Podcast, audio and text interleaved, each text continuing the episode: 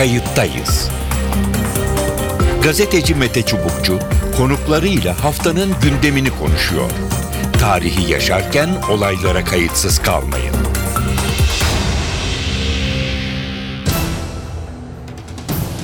İyi günler efendim. Bir kayıttayız programıyla daha karşınızdayız. Tarihe not düşmek ve etrafımızda olup bitenleri anlamak adına yine karşınızdayız.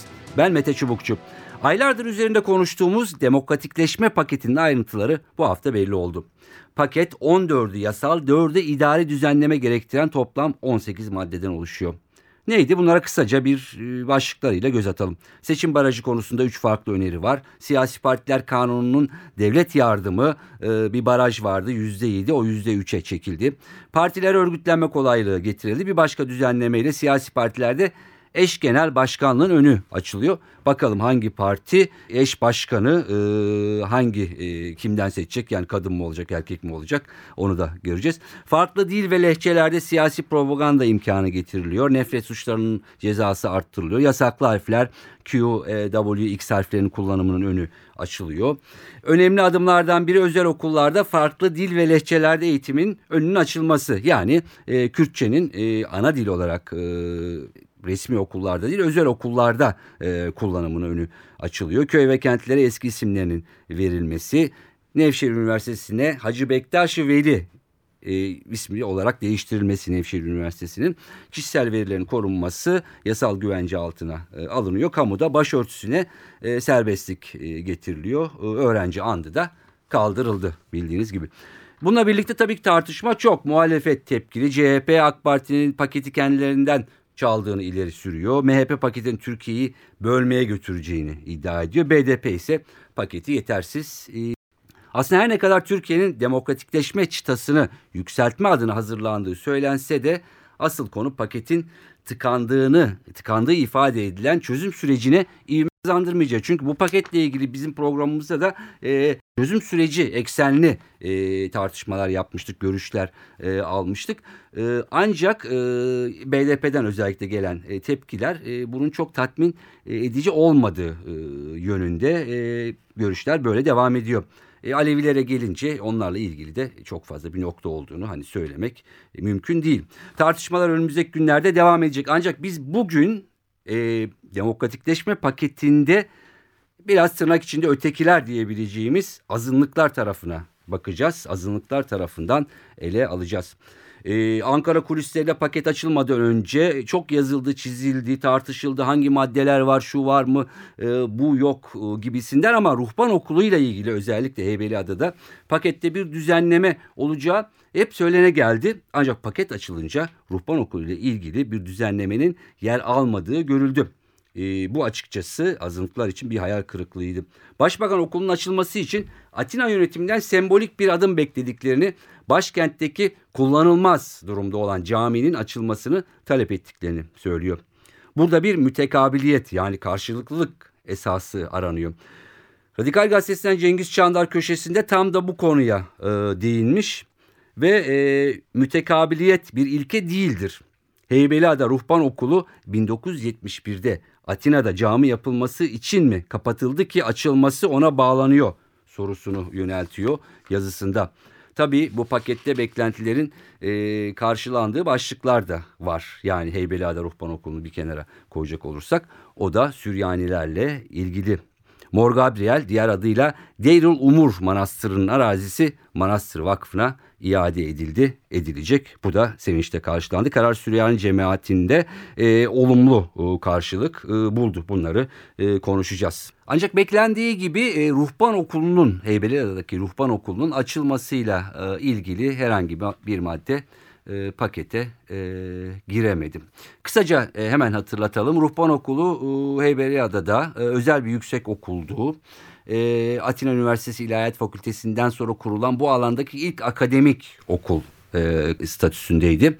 71'de Türkiye'de tüm özel yüksek okulların devlet denetimine girmesiyle ilgili karar neticesinde e, Fener Rum Patrikhanesi e, okulda teoloji eğitimini kaldırdı. Yani bu kararı kabul etmedi lise düzeyine e, indirdi.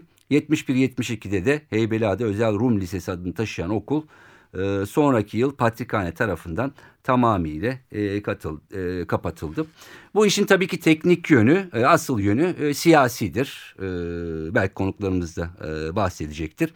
E, bugüne kadar yani azınlıklarla ilgili e, meseleler hep siyasete, e, Türkiye Cumhuriyeti'nin bütün iktidarları boyunca konu edildiği e, üzere bu da e, öyle bir e, konudur. E, ama e, pakette olmaması e, hayal kırıklığı yarattı e, diyebiliriz. Şimdi e, bunu e, e, bir konuğumuzla Kezban Hatemi ile e, konuşacağız. Kendisi özellikle patrikhane e, konusunda, e, onların davaları e, konusunda e, görüşleri olan, e, fikir verebilecek bir kişi. Evet e, pakette e, Heybeliada Ruhban Okulu'nun olması e, bekleniyordu. En azından e, tartışmalar bu yöndeydi ama paket açılınca içinde olmadığı e, görüldü. E, şimdi e, hattımızda e, avukat Kezban Hatemi e, kendisi e, özellikle e, bu konuda e, davaların e, takipçisi. E, aynı zamanda... E, Akil İnsanlar Heyeti'nin e, Güneydoğu bölgesinde de e, görev aldı. Kezban Hanım e, iyi günler. İyi günler. Ee, Şimdi e, beklenti nasıldı? Ee, Yani hep e, özellikle ruhban okuluyla e, ilgili bir takım satırların ya da bir maddenin olacağı havası yaratılmıştı ama içinden çıkmadı.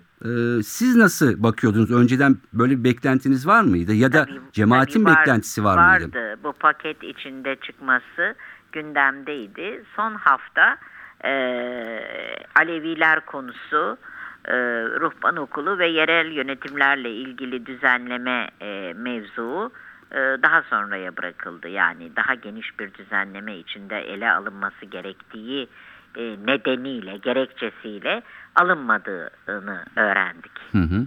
Yani Ee, siz tabii gönül istiyor ki bütün bunlar e, hiç kimseyi ayırt etmeden, dışlamadan, horlamadan birlikte bir anayasa yaparak kökten çözüme kavuşabilsek ama maalesef e, bu yapılamadı. E, ruhban okulu da maalesef siyasi malzeme olarak e, hükümetin elinde sanki bir rehineymiş gibi Türkiye Cumhuriyeti vatandaşının farklı dinde ve mezhepte olan bir grubuna bence bir ayrımcılık yapıldığı gibi anayasal da bir hak ihlali söz konusu. Hı hı. Tabii bunu e, cemaat değerlendirecek. E, bilmiyorum hala bekleyecekler mi ki bu cemaatin vereceği karardır. Yoksa dava konusu mu yapılacak artık bu zamana kadar? Çünkü siz de çok iyi biliyorsunuz ki Patrik Hazretleri Evet. her zaman sulhten, her zaman gönül rahatlığıyla e, ve e, canı gönülden yapılan e, muamelelerden hoşlanıyor. Hı hı. Zor ve işte devletimizi diyor ben başka mercilere e, bana bunu yaptılar diye şikayet etmek istemiyorum. Kaldı ki bu hükümet e, cemaatlere ve farklı din mensuplarına doğrusu en büyük açılımı yapan demokratikleşmenin önündeki tıkaçları yavaş da olsa birilerine göre yavaş birilerine göre e, hızlı e, yapan bir hükümet olarak da algıladığı için her zaman e, başbakanın da samimiyetine güveniyor. Yani biz e, 2009'da başbakan e, çok açık ve net e, ruhban okulunu açacağım. Her şey hazır.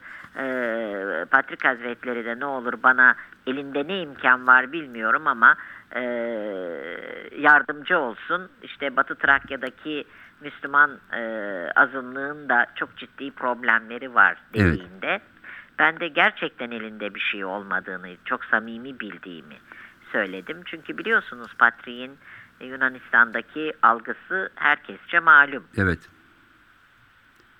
Ee, Evet yani o bu bir hayal kırıklığı doğrusu bir iç burkma e, coşkuyla kutlanacak Türkiye'nin hem iç e, iç huzuru hem de dış dünyadaki itibarı açısından önemli hiçbir e, düzenlemeye de ihtiyacı olmayan en kolay açılımdır. Bunu Evet. başbakan da biliyor. Peki. Şimdi biraz önceki e, cümlenizde e, bir rehin rehine durumundan söz ettiniz.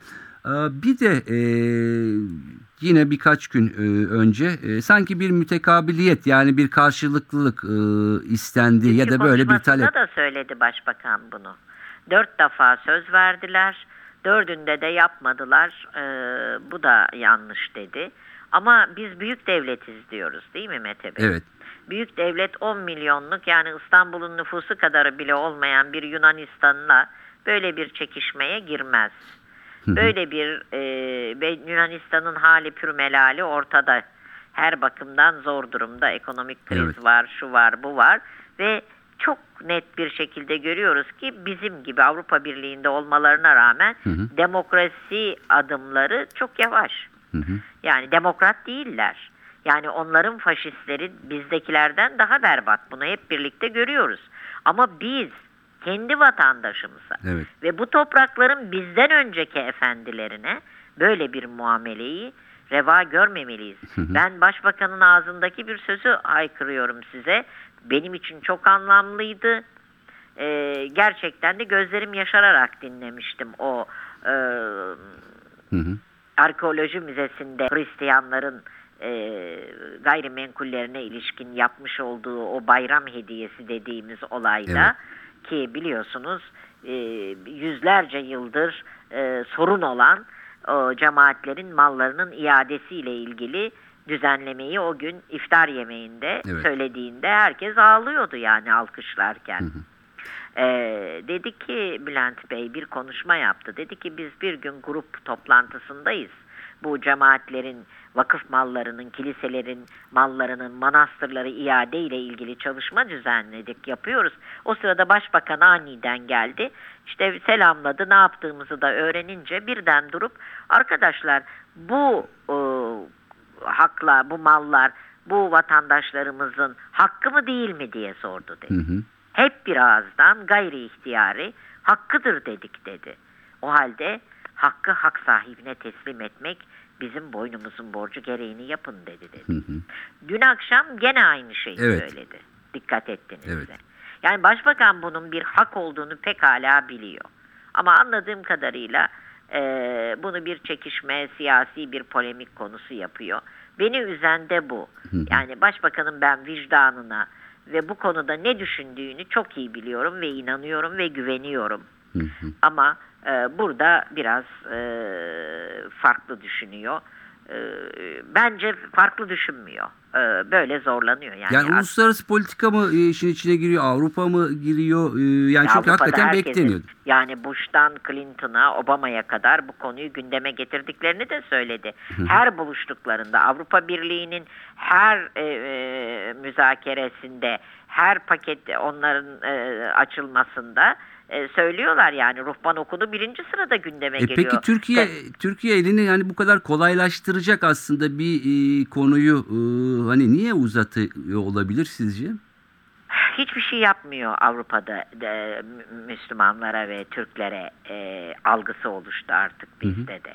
Yani bu İslamofobinin yanında bir de bu algı var. Bunları da ben çok iyi anlıyorum.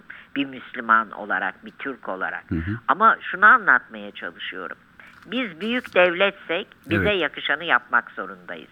Evet. Bir de bu bir hak ve hukuk ihlali. Bakın eğer biz Mor Gabriel olayı gibi, yetimhane olayı gibi e, Patrik Hazretleri bu konuyu ahime götürseydi demek ki çoktan açılacaktık.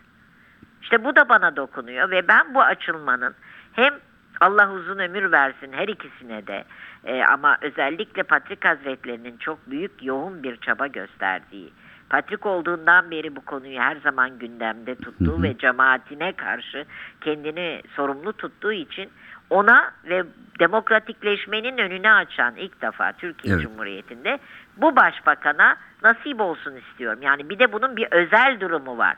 Bir de bu okul açılırsa Türkiye'ye getireceği olağanüstü bir hareketlilik ve zenginlik Evet. olacak ve dünya merkeziyiz zaten başka türlü bir hal alacak. Yani bunları da düşünmek lazım. Ama maalesef engeller var. Ben bunu biliyorum. Başbakanı engelleyen e, güçler var. E, pay- bize paylaşır mısınız ya da ipucu verir misiniz? Nedir yani bunlar? Hayır yani bunları e, bilmek için e, müneccim olmaya gerek yok yani görüyoruz farklı şekilde bakanların beyanatlarını da görüyoruz yani e, ama bunu başbakan bence çok kısa sürede yapacak. yapacak diyorsunuz. Ee, yani e, tahmininiz e, e, ahime gitmeye gerek kalmayacak Ona mı? cemaat karar verir, ben bilemem. Anladım efendim. Peki Ona Patrik Hazretleri ve cemaat karar verecektir. evet e, ancak şu e, son şöyle isterseniz şey yapalım. E, belli ki bir hayal kırıklığı, beklenti e, vardı. Ama e, özellikle e, karşılıklılık esası için yani tırnak içinde e, ruhban Hiçbir okulu yasal, kullanılabilir hiçbir yasal ve ahlaki temeli yok bu cümlenizin. Hı hı. Bu bir paralel yükümlülüktür. Evet. e, çünkü hani Atina'da Mütekabiliyet, karşılıklılık yabancılar arasındaki geçerli hukuktur. Evet. Hak hukuktur. Bu tamamen paralel yükümlülük ve görevdir. Evet. Dolayısıyla yani o argüman burada Ay kullanılamaz. hiç yani bakın ruhban okuluna karşı söylenecek ne hukuki altını çiziyorum ne de ahlaki argüman vardır hükümetin elinde bu kadar. Peki o zaman e, bekleyeceğiz. E, umarız e, kısa süre e, içinde e, yeni bir düzenlemeyle e, bu Ruhban sorun da okulunun açılması için Mete Bey yeni bir düzenlemeye de ihtiyaç yok. bir paket o zaman yani. Ee, yani başbakanın iki dudağı arasındadır diyelim ve e, inşallah en kısa sürede böyle bir müjdeli haber alalım. Çünkü başbakan e, sürpriz yapmayı sever biliyorsun. Evet. Onun için bir sürprizle bu işi de çözeceğine inanıyorum. Peki e, son şunu e, sorabilir miyim? E, dinleyicilerimizle paylaşmak için çok kısa olarak. E, çünkü bir kısmı da hakikaten bilmiyor. Ya niye kapandı, niye açıldı? Yani bu tarihçeyi ben tabii anlatacağım bir yayında ama. Bu okul biliyorsunuz 1844'te yıllarından Hı hı. e, Cumhuriyet kurulduktan sonra da e, 1971 yılına kadar fiilen çalışmış e, bir sürü din adamı yetiştirmiş. 9 tane patrik yetiştirmiş. Bu yetiştirdiği patriklerin sonuncusu da Patrik Bartolomeos'tur. Evet. Ve dünyanın her yerinde de e, yetişmiş bu okuldan mezun olmuş din adamları görev yapmaktadır Ortodoks cam- cemaatinde. Evet. Ve düşünün yani Türkçe bilen ve dünyanın başka ülkelerinde Ortodoks dinini icra eden din adamları var. Bunlar Türkiye'deki bir okuldan çıkmışlar. Evet. Dolayısıyla bu çok heyecan verici bir durum. Yani ben buna e, çok önem veriyorum. Bunu bu bakış açısıyla baktığınızda çok önemli. Ama akademiler biliyorsunuz böyle bir sürü akademiler açılmıştı. Evet. Akademileri haklı olarak kapatmak adına akademiler kapatılmış bir düzenleme ile ve neden sonra aradan e, 12 ay e, yanlış hatırlamıyorsam ya 8 ya 12 Evet. ay sonra Evet. E, birdenbire e, teoloji bölümünü kapattık diye Milli Eğitim Müdürlüğü imzalı gizli diye bir Hı hı. kaşeli bir belge ile okul kapatılmış. Ne Bakanlar Kurulu kararı var ne bir karar var bizim bildiğimiz gördüğümüz Hı hı. e, birdenbire kapatılmış. Daha sonra akademilere, yüksek okullara bir düzenleme getirilip açılmış. Ruhban okulu hala kapalı tutuluyor. Evet. Peki e, ama şunu da ben ekleyeyim. Siz söylemediniz. E, Türkiye Cumhuriyeti tarihinin e, tarihinde e, hani neden olduğu belli olmayan özellikle azınlıklara karşı da e, çok e, Neden olduğunu biliyoruz. Ge- hayır 70 ama yani yıllarındaki belge bilgi- Kıbrıs olayları. Tabii ki, tabii Gene ki Kıbrıs olayları. rehine muamelesi görmüş. Evet. Yani hiç alakası olmayan, yüksek okul olmayan bir e, okul e, pat diye e, bir bahane yaratılıp neden sonra Hı hı. akademilerin filan kapanması, tasfiyesi bitmesine rağmen daha sonra onlar için düzenleme yapılarak açılma sürecindeyken dur yahu Kıbrıs meseleleri var. Hadi biz bunlara da bir ders verelim. Kime Hı hı. ders veriyor? Akılları sıra. Kapatılmış, yani Kapatılmış, faşizan bir uygulama bunun başka bir açıklaması var mı? evet onu demek istedim. Türkiye Cumhuriyeti tarihi maalesef e, bu tür e, gayri yasal ve antidemokratik uygulamalar ve belgelerle e, Evet. dolu. E, Ve şimdi demokrasi diyorsunuz. Bir ayağını e, dikkat ediyorsanız paketin demokratikleşme, Hı hı. bir ayağı bu demokratikleşme sürecinde barış sürecini devam ettirebilme Hı hı. ve demokratik e, bir takım açılımları yaparak barışın kalıcı olmasını temin etme, e diğer taraftan da antidemokratik bir uygulamayı devam ettirmekte ve ısrar etmekteki mantaliteyi anlayabilmiş değilim ama söyleniyor. Bizim bir tek şeyimiz bu. Dört defa e, söz verdiler, yer gösterdiler. Hem o, o yapmada. İşin kötüsü Atina'da Türk de yok biliyor musunuz? Evet. Yani orada camiyi kullanacak. Beni ben bunu da anlayamıyorum. Evet. Ama bakın cami orada da yapılmalı. Biz Tabii ki. e, artık her yerde gösterilen her derde yapıyoruz. Yani bu kadar ısrarcı olmamızın bu konuda e, bu cemaatimize karşı yani ısrarcı olmamız yoksa yapılması için tabii ki bir uğraş verelim. Evet. Bence e, bir anlamı yok ama tabii ki bu bir siyasi bakış açısıdır. Ben de siyasetten hiç anlamam. Ben bunları etik ve kategorik emir olarak görürüm. Ahlaki bir sorumluluk olarak görürüm bir hukukçu olarak. Peki.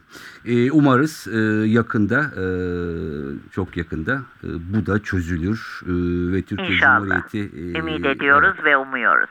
Peki. Çok teşekkür ediyorum programımıza katıldığınız Ben için. teşekkür ederim. Hoşça kalın. Ama diğer kazanımlar çok önemlidir. Peki onu da e, son olarak eklemiş olun.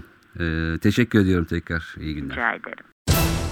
Şimdi de telefon attığımızda e, paketten e, çıkan bir sonucu memnuniyetle karşılayan e, Mor Gabriel Kilisesi'nde manastırının e, arazisinden bahsediyorum. E, Süryanilerle ilgili e, görüşleri dile getirecek olan Erol Dora e, milletvekili kendisi BDP'den e, Mardin e, milletvekili. E, öncelikle ben kısaca e, Mor Gabriel'den biraz e, bahsedelim. 1600 yıllık tarihiyle e, en eski birkaç manastırdan e, birisi e, özellikle. E, da, o yıllarda ikinci Kudüs olarak e, kabul ediliyor manastır. Tarihi süreç içinde farklı isimlerle anılıyor. O Çok önemli bir e, gerçekten e, manastır. E, rahiplerin meskeni anlamına gelen Süryanice'de Dairo Dumor Dairo Dumoro isminden üretilen Deiril Umur veya Türkçe'ye uyarlamasıyla Deiril Umur ismiyle anılıyor. Bugün de kullanılıyor Mor Gabriel ismi. E, 7. yüzyılda yaşamış bir e, ve azizlik mertebesine e, yükselmiş bir e, e, isimden bahsediyoruz. E, şimdi buranın e, bir vakıf arazisi e, vardı. E, burası e, biraz itilaflıydı. E, yaklaşık 100 hektarlık ormanlık alanın e, diğer köylüler vakfın işgal ettiğini iddia ediyordu. Mahkemeye e, gidildi. E, mahkeme sonucunda savunmayı vakıf e, kazandı. E, ancak hukuk, hukuki süreç Yargıtay'da devam etti. Yerel mahkeme kararı e, bozdu. E, ardından Deyrulumur Manastırı'nın hazineye devri için süreç e, başlatıldı. Ama bu pakette arazi vakfa e, devredildi. E, bir takım söylentiler de tabii o yıllardan kalan var. E, bunu da e, Erol Dora'ya soracağız. Telefon attığımızda şimdi e, Erol Dora, e, BDP e, Mardin e, milletvekili e, özellikle e, pakette yani demokratikleşme paketinde e, azınlıklara e, yönelik e, içinde Süryanilerin e, de olduğu e, Mor Gabriel e, Manastırı'nda e, ki durumla ilgili e, konuşacağız. Hoş geldiniz yayınımıza. Hoş bulduk. İyi günler diliyorum. Peki hemen e, sorayım paketten e, deyim yerindeyse size size dediğim yani Süryani e, cemaatine e, Mor Gabriel e, Manastırı'nın e, arazisinin geri iadesi e, çıktı. Evet. E, ilk başta e, bir duygunuzu, düşüncenizi alayım cemaat olarak e, genel bu e, pakette paketten size düşenle ilgili. Yani tabii ki şimdi münhasıran Süryanileri soracak olursanız Evet. Biliyorsunuz bu pakette Mor Gabriel e, ile ilgili taşınmazları ile ilgili hem Orman İdaresi hem de Hazine ile ilgili iki davası vardı. Hı hı. Bu davalardan birisi şu anda Avrupa İnsan Hakları Mahkemesi'nde, diğeri de Hazine ilgili dava da Yargıtay aşamasındadır. Hı hı. E, bu tür davalar da 2008'de yapılan kadastro çalışmalarından sonra bu tür davalar e, açıldı Mor Gabriel aleyhine. Evet. E, tabii ki e, Mor, Mor Gabriel Manastırı şu anda orası bir vakıftır. Evet. Osmanlı'dan kalma bir vakıftır. Ve bu gayrimenkuller de bu vakfa aittir. Hı hı. Milattan sonra 397 tarihinde kurulmuş olan bir manastırdır. Hı hı. Ve bütün yöre herkes bu gayrimenkullerin Mor Gabriel'e ait olduğunu bilmektedir. Hı hı. Ama kadastrodan sonra bu tür davalar açılmıştı. Başta Süryani halkı olmak üzere bütün diaspora, Türkiye'deki Süryaniler ve özellikle de Sayın e, Trabzon Metropoliti Samuel Aktaş çok mağdur olmuşlardı. Evet. E, bu konu biliyorsunuz Avrupa Birliği'ne taşındı. Birçok hükümetin gündemine taşındı Avrupa'daki hükümetlerin. E, ve aynı zamanda e, dava süreçleri de biraz önce belirttiğim aşamadadır. Hı hı. E, tabii buna ilişkin olarak e, Mor Gabriel Vakfı'nın e, gayrimenkullerin iade edilmesini biz olumlu olarak değerlendiriyoruz. Yani sorunlarımızı kendimiz çözerek ve buna da biz şu şekilde bakıyoruz. Zaten bu e, gayrimenkuller Mor Gabriel Vakfı'na aitti. Biz bunu bir hakkın teslimi olarak değerlendiriyoruz ve olumlu bir gelişme olarak görüyoruz. Peki e, şimdi vakfa e, aitti diyorsunuz. E, yüzyıllardır biliniyor zaten e, bu toprağın vakfa ait Evet. olduğunu. Tapuda nasıl oldu da bu 100 hektar ormanlık alan işgal edildi, öne sürüldü? Yani nasıl oldu? Biliyorsunuz o 1954 tarihlerinde havadan çekilmiş fotoğrafları kullanarak işte efendim orası yeşillik gözüküyor. Hı hı. E, fakat bunlar aslında mülkiyet e, hakkını e, e, hakkına zarar veren e, değerlendirmelerdir, kanıtlardır. Hı hı. E, orası zaten baktığınızda 397 tarihinde milattan sonra kurulmuş olan bir yer ve günümüze kadar bu gayrimenkulleri kendi tasarrufunda bulunan bir vakfın ve bütün çevreden yani bir manastırın, bir e, vakfın özellikle Süryanilere ait, gayrimüslimlere ait olan bir vakfın başkasından gayrimenkul edinmesi ve tasarrufuna geçirmesi eşyanın tabiatına aykı, aykı, aykırıdır bölgenin özelliklerine göre. Hı hı. E, bütün çevre zaten biliyordu bu gayrimenkuller Mor Gabriel'e ait. Evet. İkincisi 1936 beyannamesi verilmiş bu gayrimenkullerle ilgili ve 37 tarihinden itibaren günümüze de kadar vergilerini de ödemiş bulunmaktadırlar. Hı hı. E, fakat işte zaten hazine ile ilgili davada da Midyat Yerel Mahkemesi Mor Gabriel lehine karar vermişti. Daha sonra Yargıtay aşamasında bu dava bozulmuştu. Hı hı. E, netice itibariyle e, e, Sayın Başbakan'ın açıklamış olduğu pakette e, Mor Gabriel Vakfı'na ait e, gayrimenkullerin iadesinin e, kararlaştırılmış olmasını biz e, Süryani halkı olarak e, vakıf ad- e, vakıf olarak e, ve diaspor olarak bütün Süryanileri memnun etmiştir. Hı hı. Ve burada da zaten var olan bir hakkın teslimi olarak Evet, hakkın teslimi, Zaten evet. Başbakanın söyleminde de pakette Süryanilere ait olan bir hakkın teslimi olarak değerlendirmiştir yani. Peki. Ee, Bir de e, yanılıyorsam siz e, düzeltin. E, yine e, e, belki ahimdeki konu da e, budur. E, kusura bakmayın onu tam olarak e, bilmiyorum. Bir e, korucu köylerinin tırnak içinde e, bir takım e, arazileri kendi üzerlerine geçirmesi ya da işte onun üzerinde hak iddia etmesi de söz konusu muydu? Yok e, o şey aşamasında e, bu kadastro aşaması geçince Evet. o komşu köylerden bazıları şikayet etmişlerdi. Hı hı.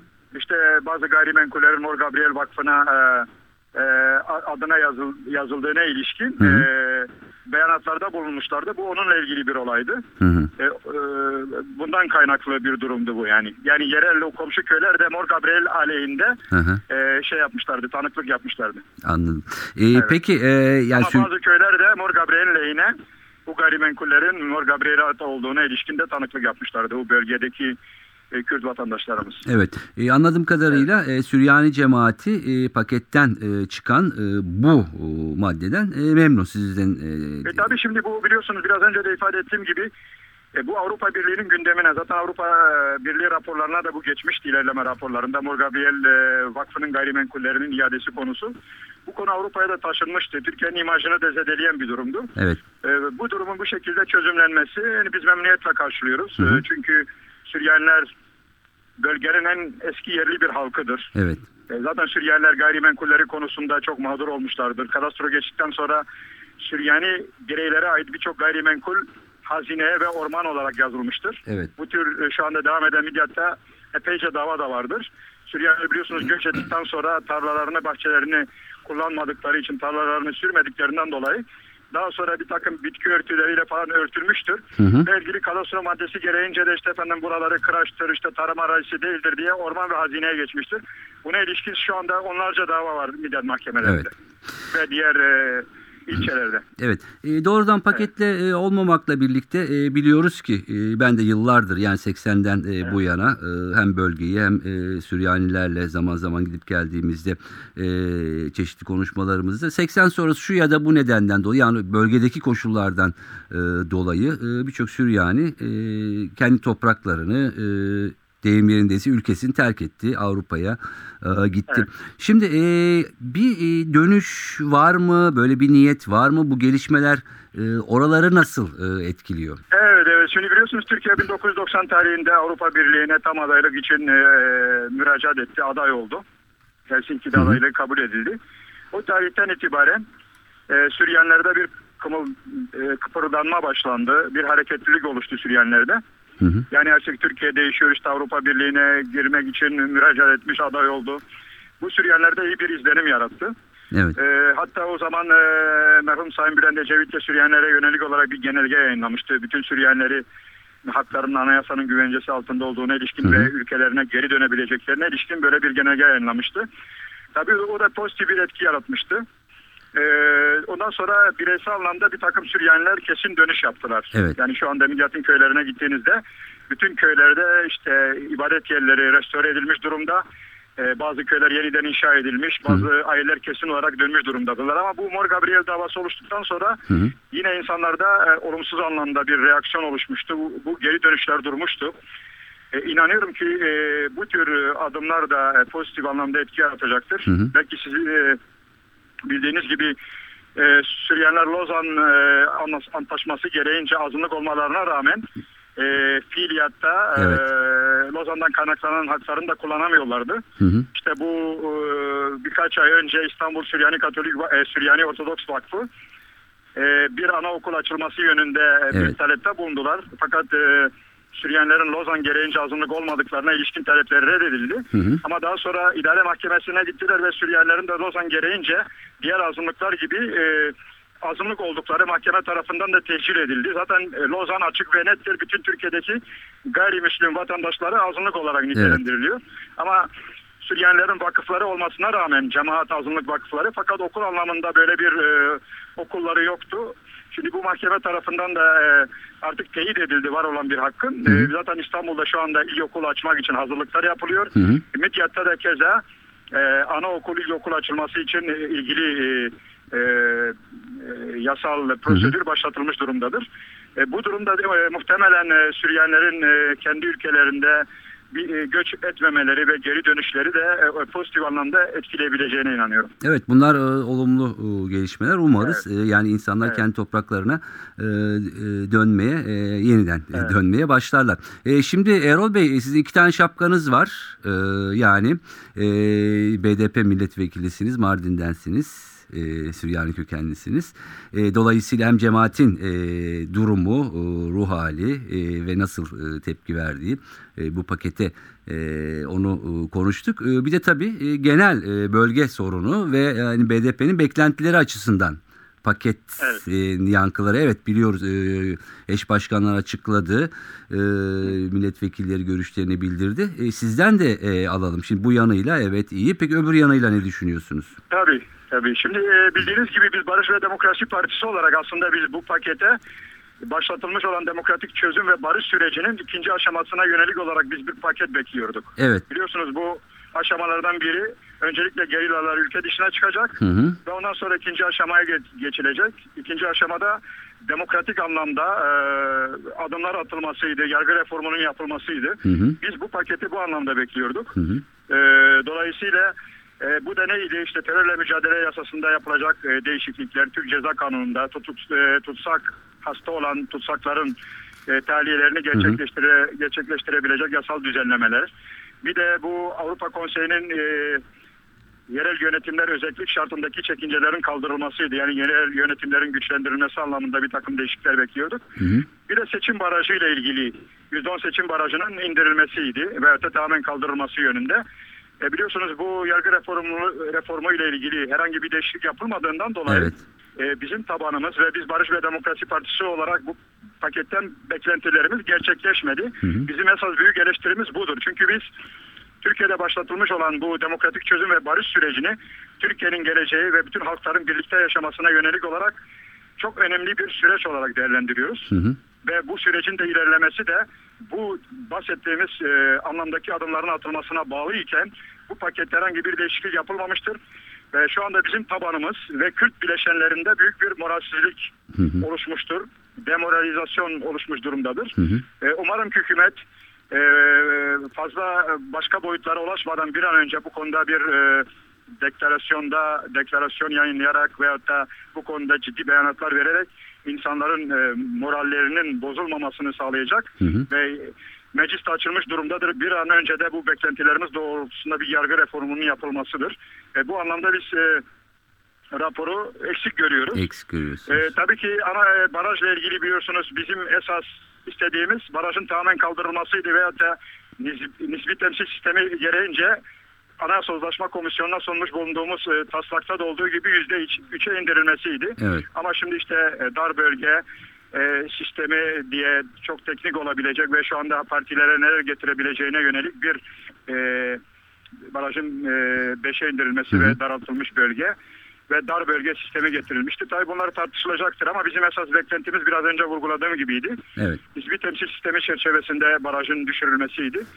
Ee, bir de ana dilde eğitim olayı vardır biliyorsunuz. Bizim e, ana dilde eğitimi de biz bir kamusal hizmet olarak görmek istiyoruz. Nasıl bugün Türkiye'deki e, okullar, e, devlet e, insanlara Türkçe'de eğitim veriyorsa e, Türkçenin de o şekilde bir kamu hizmeti olarak verilmesini istiyorduk. Ama şu an tabii ki öncelikle de anayasanın da bu anlamda değişmesi, Değişmesi gerekiyor. lazım. Ve esas bizim beklentimiz budur. Onun için özel okullara e, bırakılmış olmasını ana dilde eğitimi biz şu anda yadırgıyoruz. Evet. E, İnşallah e, bu adım da e, gerçek anlamda bir kamusal hizmete dönüşür diye düşünüyoruz. Peki yani anladığım Esas kadarıyla evet e, yani siz e, memnun olanlar ve olmayanlardan e, gibisi ikisi Ee, birden tabii gibi. Burada bir çok önemli bir şey daha şimdi bir e, kimliğim itibariyle biz e, tabii ki Türkiye'deki atılacak adımları biz e, bütün 76 milyon için düşünmek durumundayız. Bakın mesela Roban Okulu 1844 tarihinde kapatılmış, 1971 tarihinde kadar faaliyetini sürdürmüş. Ve bu tür okullar biliyorsunuz e, hem bu tür okullar hem bu anlamda buna benzer okulların kurulması Roza Antlaşması gereğince uluslararası bir antlaşmayla garanti altına almış olmasına rağmen 1970 tarihinde kapatılmıştır. Kapatıldı. E, bu okul hem Lozan'ın 40 ve 42. maddelerine aykırı olmasına rağmen ve büyük bir beklenti basında da açılacağına ilişkin bu kadar beyanattan sonra açılmamış olmasını da ben Türkiye'nin imajı açısından ve e, Rum halkı açısından tabii ki biz olayları kişilere topluluklara indirgemiyoruz. Bu Türkiye'nin demokratikleşmesiyle ilgili bir olaydır. E, bu haklar e, uluslararası bir antlaşmayla garanti altına olmuş, alınmış olmasına rağmen okulun açılma, açılmamış olmasını da kabul etmemiz mümkün değildir. Bu da bize bizi üzen bir durumdur tabii. Peki. Erol Bey çok teşekkür ediyorum programımıza katıldığınız diliyorum. için. Sağ olun. Başarılar, iyi günler, sağ olun. Erol Dara, e, Barış ve Demokrasi Partisi Mardin Milletvekili sorularımızı yanıtladı. Evet efendim bugün e, avukat Kezban Hatemi ve e, milletvekili e, Erol Dora'yla özellikle Mor Manastırı'nın e, vakfın arazisinin e, geri verilmesi pakette ancak e, Heybeliada'daki ruhban okuluyla ilgili herhangi bir şeyin çıkmaması konusunu tartıştık. Hep söylendiği gibi paket kimilerini memnun etti, kimilerini bir hayli memnun etti ama memnun olmayanlar da bir hayli fazla. E, Hatta e, bazıları akil insanlar heyetlerinin hazırladığı raporlardaki bir takım maddelerin e, yayınlanan e, paketten daha ileride olduğunu e, söylüyor. Bakalım göreceğiz devamı e, gelecek mi? Muhtemelen e, devam edecek demokratikleşme paketindeki bir takım e, açıklamalar. Ama şunu söylemek e, gerekli. Ya Türkiye Cumhuriyeti tarihi e, genelde şöyledir. Şu ya da bu iktidar fark etmez. Toplum buna hazır değil.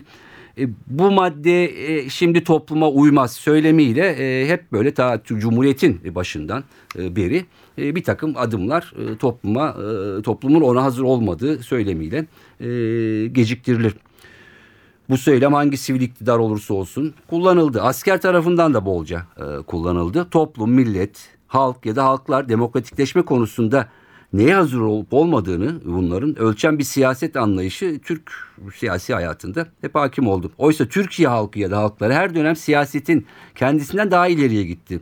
Siyaset tarih boyunca çoğu zaman toplumun gerisinde kaldı e, diyelim. Bakalım hayırlısı ama demokratikleşme daha fazla demokratikleşme çok demokratikleşme kimseye zarar vermez. Zarar geç kalınca ortaya çıkıyor. Geç kal kalıp yapılan düzenlemeler çok fazla heyecan yaratmayabiliyor ama e, bu yapılan e, paket yani ortaya konan e, pakette e, ilerisi için e, önemli e, adımlar var. E, tamam mı? Değil. Eksikler de tamamlanacak e, deniyor. Evet.